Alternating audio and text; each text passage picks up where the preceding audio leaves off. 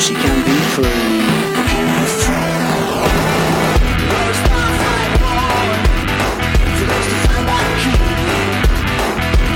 A shower, please. Status D.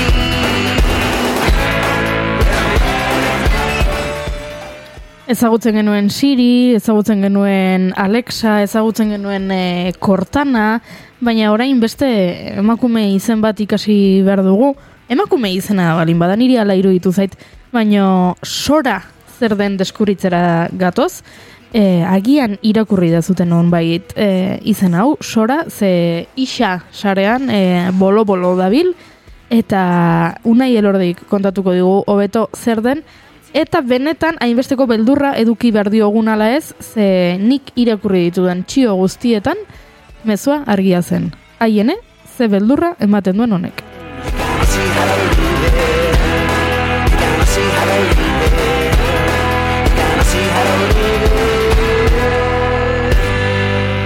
Azkenan galdu egingo gara, chat GPT, DAL-I, Open eh, AI, horrelako izen guztiekin, baina tira, gaur eh, sora izango dugu izpide, eta lehenengo galdera argia da, unai lordi dalgo, zer da sora? Ba, Sora berez da horrelako sistema bat, nontzuk hitzekin diskribatu dezakezun e, testu bat ez, eta testu hori bideo bihurtuko duena ez. Azkenean bilatzen duena da koherentzia bat izatea. Zuk esan diez daiokezu, ba, hor bideoak ikusten dien bezala ez. Irudikatu emakume bat Tokion, e, ibiltzen, ez dakize e, gertaera e, gertatzen dienak, ez? Torron gertatzen da, ez dela bakarrik koherentea idatzitako gauzekin, baizik eta beste interpretazio bat iten du irudian. Zezuk ez diozu espezifikatu nola dan ingurune guztia, eh, nola egiten duen fisika horren kontzeptua, bai, beste, beste, beste puntu bat eman zaio. Hau da, e, teknologia berdin erabilita, beti berdin egiten egia, eh? beti egia, tekstua jartzen da, tekstua erlazionatzen pixelekin, erlazio oso komplexuekin. Gertatzen dana da, orain arte irudiak atera izan diela, eta irudiak banaka ateratzea, eh, errez, erreza da, bueno, erreza da. Komila jarriko izkigu, baina bai ulertzen da, e, beti esan izan doi dudan bezala, e, zerbait gure irudian, irudikatzen dugunean, norbait esaten bali mahi duzu adibidez. Irudikatu txakur bat ondartzan, zuek ja irudikatu ez ezta? Mhm, bai. Baina jaso ez zuen informazioa hitzekin dator. Zure ez, zuen garuna izan gai informazio hori kodifikatzeko e, impulso elektrikoetan, eta gero hori irudikatu alizateko eta ikusi ez txakur hori ondartzan, ez? Ba, efektu hori egiten du, hau da, e, tekstutik e, irudi bat atatzen du. Kontua da, e, oso zaila egiten zaiola sistemai, koherentzia hori denboran e, gertatzea. Bai, ba, e, impulso elektriko edo olako gauzak azkenean izaten dira e, sistema ditzen zaiona espazio latentea. Eta hor, gauzak ikutzen haste bali magea, koherentzia hori mantentzea super zaila da. Mhm. Osorak eh, lortu duna da, nolabait, koherentzia hori bideoarekin batera mantentzea eta zuk esandako esaldi horrekin benetan zentzua dagoen bideo bat egitea. Eta hor gertatzen da magia efektua. Dala, erakuste dizue bideo bat, ez du, wow, ke pasada. Baina oraindik ez dago ezer libre. Orduan, ni estetiko xamarra izaten naiz, baina egia da aurrerakuntza interesgarri badala. Mhm. Eta adibidez, ideia bat itearren, e, badauka bideo bat, e, daudela bi ontzi, bi pirata ontzi, kafe batean, ez? Burrukan bezala, ezta? E, likidoen fizika da, e, joku konputazioan gehien bat zaiena den e, fizika, ez? Ez, Mhm. azkenen termodinamika eta fluido mekanikako kontzeptu desberdina daude, eta azkenean oso oso, oso, oso zaila den gauza da. Eta hori representatu dute, eta esan dute bakarrik erabili dugu adiben artifiziala. Ba, ez digutena esan da nola entrenatu duten sistema hori hori optimizatu alizateko hau da. Nik zerbait erakutsi nahi dizutenean beti erakutsiko dizut oberena. Mhm. Eta txarrena erakutsi dutenean de bai, izan, ez da izango txarren txarrena. Ez da, txarren erdiko ematen duela super guai daola. Ze ez dakit dago beste bideo bat hor, baso batena ero egiten dela, eta baso ez da apurtzen. Mhm. Osa, basoa gelditzen da, e, sartuta bezala, baino likidoa ondo mugitzen da. Orduan, Sartu dute lako, eta asko ikusten ari naiz azken aldi honetan da, magia truko hori erakustizkizut bideo batzuk, eta bideo horiekin e, ematen du pasada badala, ez? Eta hori izango zen, e, ez dakit, gehiagik luzatu nahi zen, baino, ideia bat. Ez, ez, ez. Eh, ni- Ikusten ari gara, e, Tokiotik e, oinez doan e, emakumearen bideoa, eta e, niri, ba, ba, bueno, harritzen hauena da, bideo hau ba, oso ondo eginea dagoela, eta esango nukela, ba, aktore bat dela, nik e, imaginatuko nuke, baino, baina ez, adimen artifizialarekin sortutako bideoa da, eta, eta e, ez dakit, larruzko jaka bat darama, eta jakak zimurrak dauzka, berak e, Bai. aurpegian, e, ez dauka aurpegi perfektua, pixka bat azalan, ba, ba, ba poroak, eta Bai. ikusten zaizkio, oso oso landutako irudi bada hau. Hor beste gauza asko daude, agian e, egunerokotasunean adimen artifizialean ibiltzen zenak ikusten ez dituena. Arazoetako bat izaten dituenak e, teknologia sorkorronek izaten da e, puntu, esan, e, punto de vista, ikuspuntu puntu desberdinak ez ditu ondo gestionatzen. Hau da, normalean zuk irudi bat gestionatzen, e, i- jartzen dezunean beti izatea primer plano, e, aurrera behi da. Baina horriten duna kamera muitu. Bai, eta kamera mugimendu hori bakarrik orain arte Dali edo edo e, Bing Remake Creator edo haukin oso oso oso zaila egitea. Baina bertatu izan dana da e, saiatu diala erabiltzen e, jokuetako mekanikak eta irudi hiperrealistak eta horren arabera lortu dute mugimendu hori benetan e, realista izate baino atzetik dagoena ere ez digute kontatu benetan. Hala ere, irudiak... Eh, Kristona dira, bai, bai, zoragarriak, esan behar eh, bai, ni pixkat, eh, bueno, ez naiz bat ere aditua eta gero igual jorratuko dugu gai hori ere, baina lehenengo kolpean etorri zaian zea da, bueno, eh, jendeak zergatik esaten du beldurgarria dela, hau da, em, hemen badago, bueno, eh, beti esaten da ez, eh, lanpostuak eta kreatiboa diren gauz asko, baino, ez dakit, eh, ez dakit, hor dudak dauzkat eh, azkenan optimizatzen eta hobetzen ari den gauza bada eta eta ez dakit, nire duda daukat afera, afera horretan. Nik- Beldurgarria da, eh, bueno, biztan da, teknologiak nola sortzen duen, eh, barkatu, eh, normalean gizakien lanaren ondorio den, eh, bueno, hau, eh, ar- artelanak dira, hau da, begira ze plano, begira ze esto, eh, beldur, beldurgarritasun hori eh, nun kokatzen den, hor dauzka, hor daukandik galdera ikurre. Nik uste daudela bi kezka nagusi edo, batetik beldurgarria, bazuk aipatu duzuna, lanpostuekin zer ikusia daukana, e, beldurgarria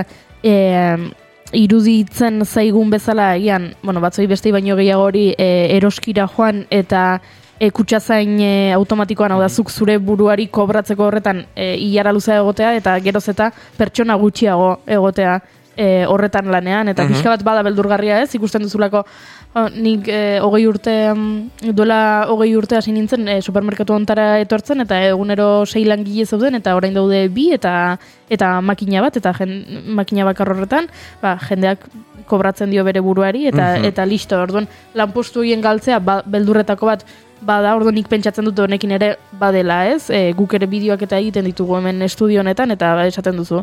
Haien, eh? Ba, ba, honek egiten balin badizu, ba, ez digute deituko guri egiteko. Baina bestetik ikusi dut txio bat eta eta e, like asko zituena e, esa, e, zena em, jo, hemendik hilabete batzutara agian egokituko zait epaitegi batean defendatzea nik ez dudala krimen hau egin eta erakutsiko didate bideo bat non agertzen nahi zen ni krimen hau egiten. Ja, bai, ulertzen dut. Ez, Ulertzen e, dut. bideo honekin hainbe- hainbeste garatzen balin bada teknologia, nik hartu dezake dela unairen e, aurpegia eta e, prompt batekin e, e, unai e, jarri e, unai kotxeak lapurtzen e, donostiako e, e, ez dakit, e, antigua auzoan eta eta e, e, eta egiten badu e, itxuraz ikusiko dugu unai benetan kotxeak lapurtzen? Hor- horre hortik ere ez Bai, beldurra? Bai, bai, egia esan, e, ez dakit teknologiaren garapena, bai, bai da beldurgarria, baina pentsatzen nintzen, bueno, leno iritziak ere arpegira esaten genituen, edo plazan bankuan pipa jaten esaten ari e, ibiltzen ginen, eta txio nik daki dara, duela ama urte txoriek bakarrik egiten zuten, eta orain e, badago ere online plataforma non jendeak e, iritziak botatzen dituen. Ez nago horren, e, bakizu ez naizela oso zalea goiuri, baina ez da horren aurka goten. Ez dakit, ikusten diot ere, bueno, e, evoluzio bada eta teknologia bada beldurgarria dere bai. Ni gainera, eh, ez, ez naiz gaitik aterako, baina duela gutxi lagun batek ere erakutsi zidan eh, WhatsAppeko lauzpa bost audio aizeri gabe eta soinuri gabe unai, eh, ematen zizkiola eh, adimen artifizialeko zera bati, ez naiz bat ere jakituna, ez dakit nola izena zuen, eta gero idazten zenuen edo zer zure haotxarekin eh, eh, sortzen zuen, eta bueno, hori bada garai batean lokendo edolako zera bat zegoen, baina, baina benetan beldurgarria zen e, zenbat e, hurbiltzen zen e, ahots e, original eta horrekin ere mila gauz e, txar edo zera egin daitezke, Bai. ez? Baina bai, e, hortxe nago ni. Ez daukate idea askorik eta ez nuke posizionatu nahi, baina batzutan pentsatzen du, bueno, ef, eski beldurgarriak ere gauza asko irutzen zaizkit gaur egun eta normalizatu egin ditugu, ez? Teknologiarekin lotuta dauden gauza asko, ez? Ez dakit, ez dakit, ez dakit. Benetan interesante iruditzen zait edo gogo eta hoi ez, ze askotan nahazten dugu teknologia eta intentzionalitatea. Hori da. Eta orduan beti ba, txarrera jotzen du ba, nolabait gure burua babestu alizateko. Uste dut, lehenengo arazoa izaten dela beldurra sartzeakon ez jakintasuna eta aldaketak azkar dijoaztela, ez? Mhm. Zure bizitzako karrietik ateratzen ari zarela eta zerbait gertatzen ari da eta ez daukat kontrolik horri buruz, ez? Hori nolabait ekiditeko edo, bueno, aurre egiteko erabat da, ba, informatzea eta benetan kontrola izaten saiatu alizatea. Baina askotan gertatzen dena da, interneten egoten den informazio asko askoz gehiago da enfokatuta jendeari presio hori sartzen dez, ze beldur sentituko dezun, adimen artifizialak bizitza aldatuko dizu, lanak aldatuko ditu, baina benetan esaten dutenak lotxagabe utxago estik ez dira, ze- ez dakitez esaten nahi den, ba, ba, erraminta probatuko zuten, da ikusiko zuten erantzunak oso onak ziala. Mhm. Baina ustet, e, mundua asko irikitzen dela, ze adibidez, zuk esatezen du bezala, ez? O, edo goiurik esatezen bezala. Posible izangoa e, bera jartzea toki baten zerbait txarra egiten eta hori proba bezala jartzea juzgatu baten. Hor gauza desberdin asko gertatzen dira. Hmm. Nik uste dut, irudi bat, e, eta hau nire iritzia besterik ez da, juzgatu batean, laizter ez duela zertako balia izango. Claro. Ze, Mhm. e, ezingo dute jakin zein dan bere berazidea. Da. Alere, badaude, e, ikertzaien izenetik, ba, segimento handi egiten diotolako gazei, batez ere suplantazio, identitate suplantazioan gatik eta, eta badaude e, bilan estilo egiten, bai, lehenengoa da, e, adimen artifiziala generatutako irudiak, eukitzea artefakto visual batzuk, errez, detektatu izateko sistemak, baino zuk ez begiekin. Bai, e, ez dakit ohatze zeaten, oain dela gutxi izin gendula adimen artifiziala eta pozoitzeana, eta ez dakit, bai, izango zen inbersoa, esatea, aizu hau adimen artifizialek sortutago. Eta bestetik, e, burukatzen ari dien beste mm, kontzeptu da da digitaltasunaren autentifikazioa. Hau da, fitxategi bat, e, kamera batekin lortu bali mazu argazki bat, kamera hori sensorikarekin firma digital bat sortu, eta irudi hori modifikatu bali da bere hashkodea edo bere integritatea aldatuko zenez, virus baten detekzioaren antzeko zerbait Mhm. izango zen. Orduan, e, bideoiek irikita daude, oraingoz lasai, e, horrelako gauzak ezin diain.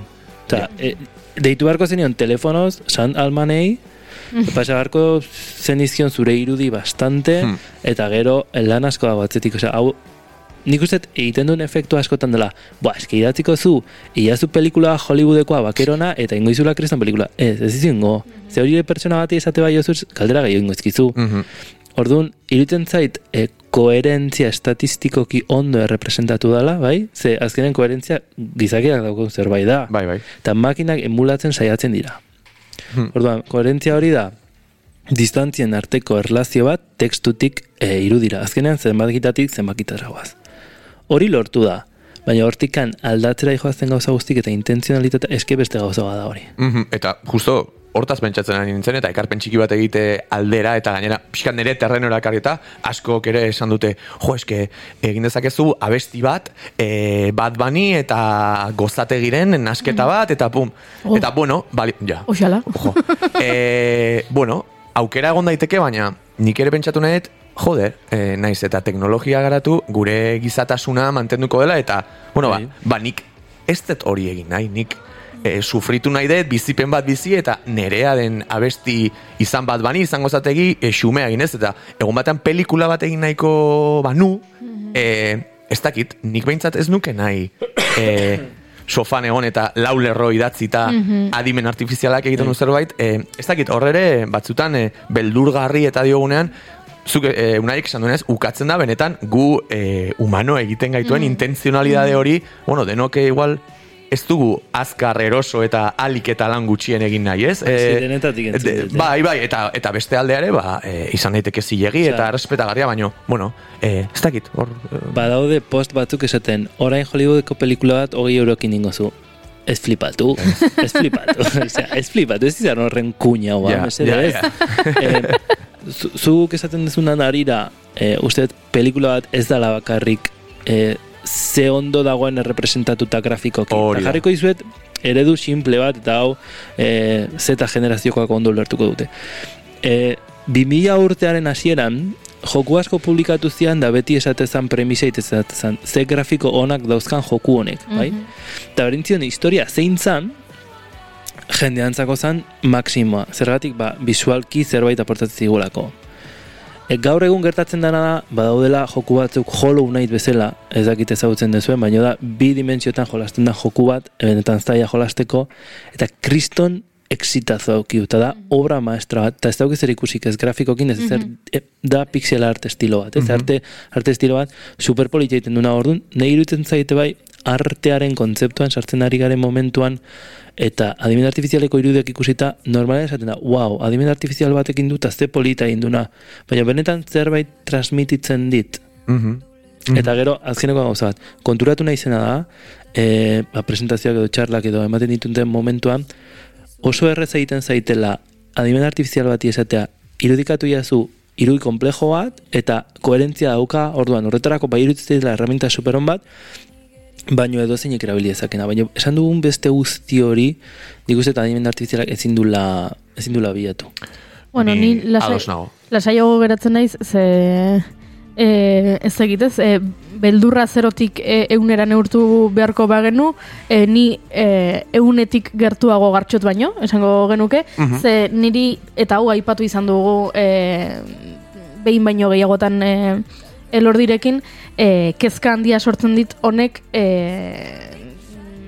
eraso sexualetan izan dezakeen e, eraginaren gatik, ez? E, nei, e, ikustea zuk e, idazten balin baduzu e, emakumea tokion oinez e, larruzko jakarekin eta kamarak jarraitzen dio eta e, e, iragarkiak daude telebistetan eta egiten badizu, benetan egiten badu e, erakutsi digutena, beldurra ematen dit jartzeak e, mm, ba, ez dakit e, Beste hitz batzuk erabiltza, NSFW eh, dira. Taylor, ez dakit ez, baina Bai. Ta- Taylor Swift, eh, Biluzik, eh, eh, futbol zelai baten erdiak, eh, erdian, eh, hanka zabalik, eh, bere titiburuak lastantzen. Mhm. Mhm. Et, eta egiten badu, ze pentsatzen dut, bueno, Taylor Swiften irudiak milioika dauzkagu, pertsona Bai. famatuen irudiak milio, milioika dauzkagu, orduan, ba, bueno, edan dezake horretatik eh, asko, agian, e, goiuri ez eiza bere titiburuak lastantzen futbol zelai batean asko zailagoa izango da Taylorrena egitea, baina, baina agian Taylorrena egin daiteke. Eta eta horrek asko kezkatzen nau. Ze Bai. intentzionalitatea aipatu duzu eta tamalez horrelako gauzak egiteko intentzionalitatea badagoela uste dut. Bai, bai, badago. E, nik akaso batzutan e, oso ados nago e, esandakoarekin goiri, ba, ez dakit. Akaso nik e, beldur hori e, ez dakit, otzantzen dut pentsatzen e, inteligentzia artifizialak inoiz ez duela astebetez e, aterki bat Oh. gordeko motxila batean zuri gero emateko.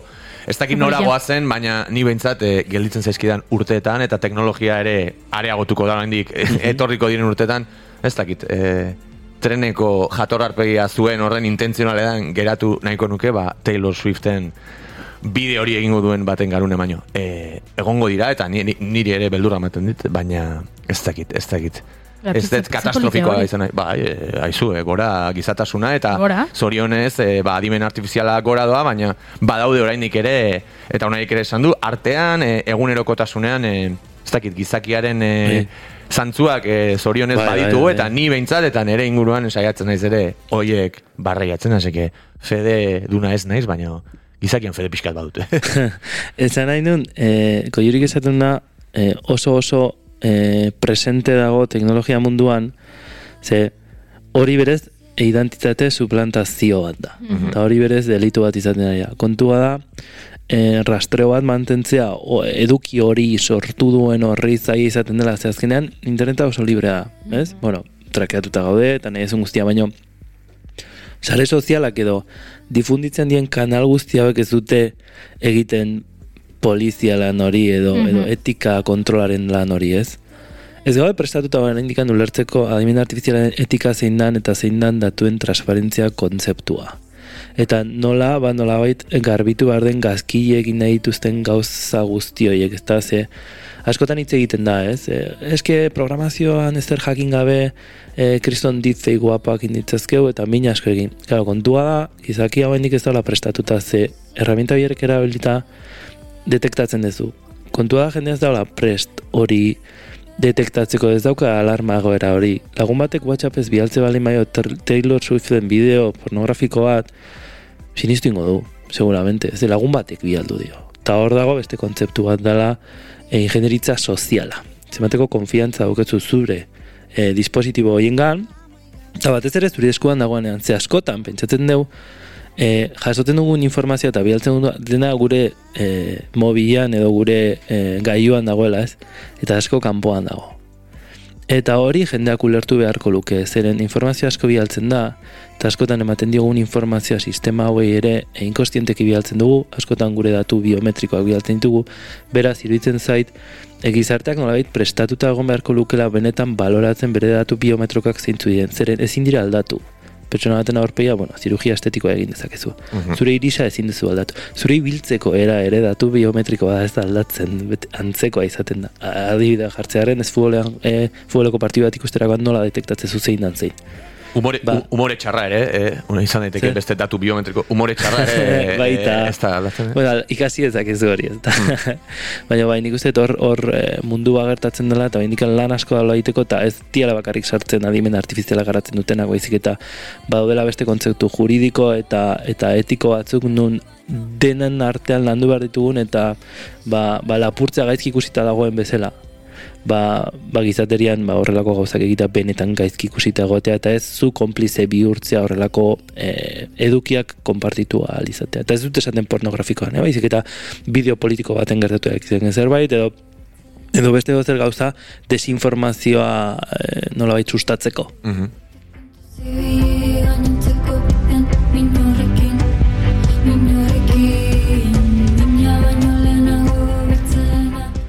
Ari nintzen e, sorako webgunean e, begira eta webgunari begira eta ikusi dut ba, ba bueno, kezka orokortua dela eta eta sortzaileei ere mm, ez dakit, kezka hori iritsi zaiela ze hiru atal ditu webguneak.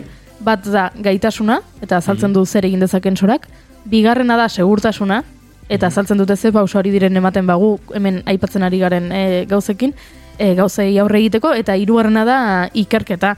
E, beraz, e, iruditzen zait nahiko esangarria, ez? Segurtasuna izatea webguneko atal bat horrek esan nahi du ja e, beraiek publiko egiterakoan e, hau aurre ikusten zutela nolabaiteko e, Bi segurtasun mota egon daitezke. Bat da e, sistemaren akzesoa ez izatea pertsona batek, hori enpresaren alde dago, eta gero segurtasuna e, aterako diren erantzunetan. mhm. Hau da, em, bat chat GPT-ekin itentzan bezala ez, esango didazu non ez den saltzen droga e, Nueva Yorken, edo eh, droga erosiko nahi ez banu zer ez nuke egin beharko. Eta horren doble negazio horrekin esatez izun nun zeon. Mhm. Ikusten dut dira pixka patxangak esateko, bueno, ba, e, e, adimen artifiziala e, timatu daiteke ez. Eta kasu horretan bi segurtasun mota definituko zian bai. Ba, horrela azalduta, sora, gure kezkak eh, zuekin elkarbanatuta eta eta gartxotek gu lasaituta, ba, Mm, Ez, ez dakite, eh, ni, ni, ez dakit, ez horregatik. horrela agur esan behar diogu nahi elordi hidalgori, ze amaikak e, izango dira oraintxe bertan, eta naiz irratiko estudio zentraletara joan behar gara azken ordua ezagutzera.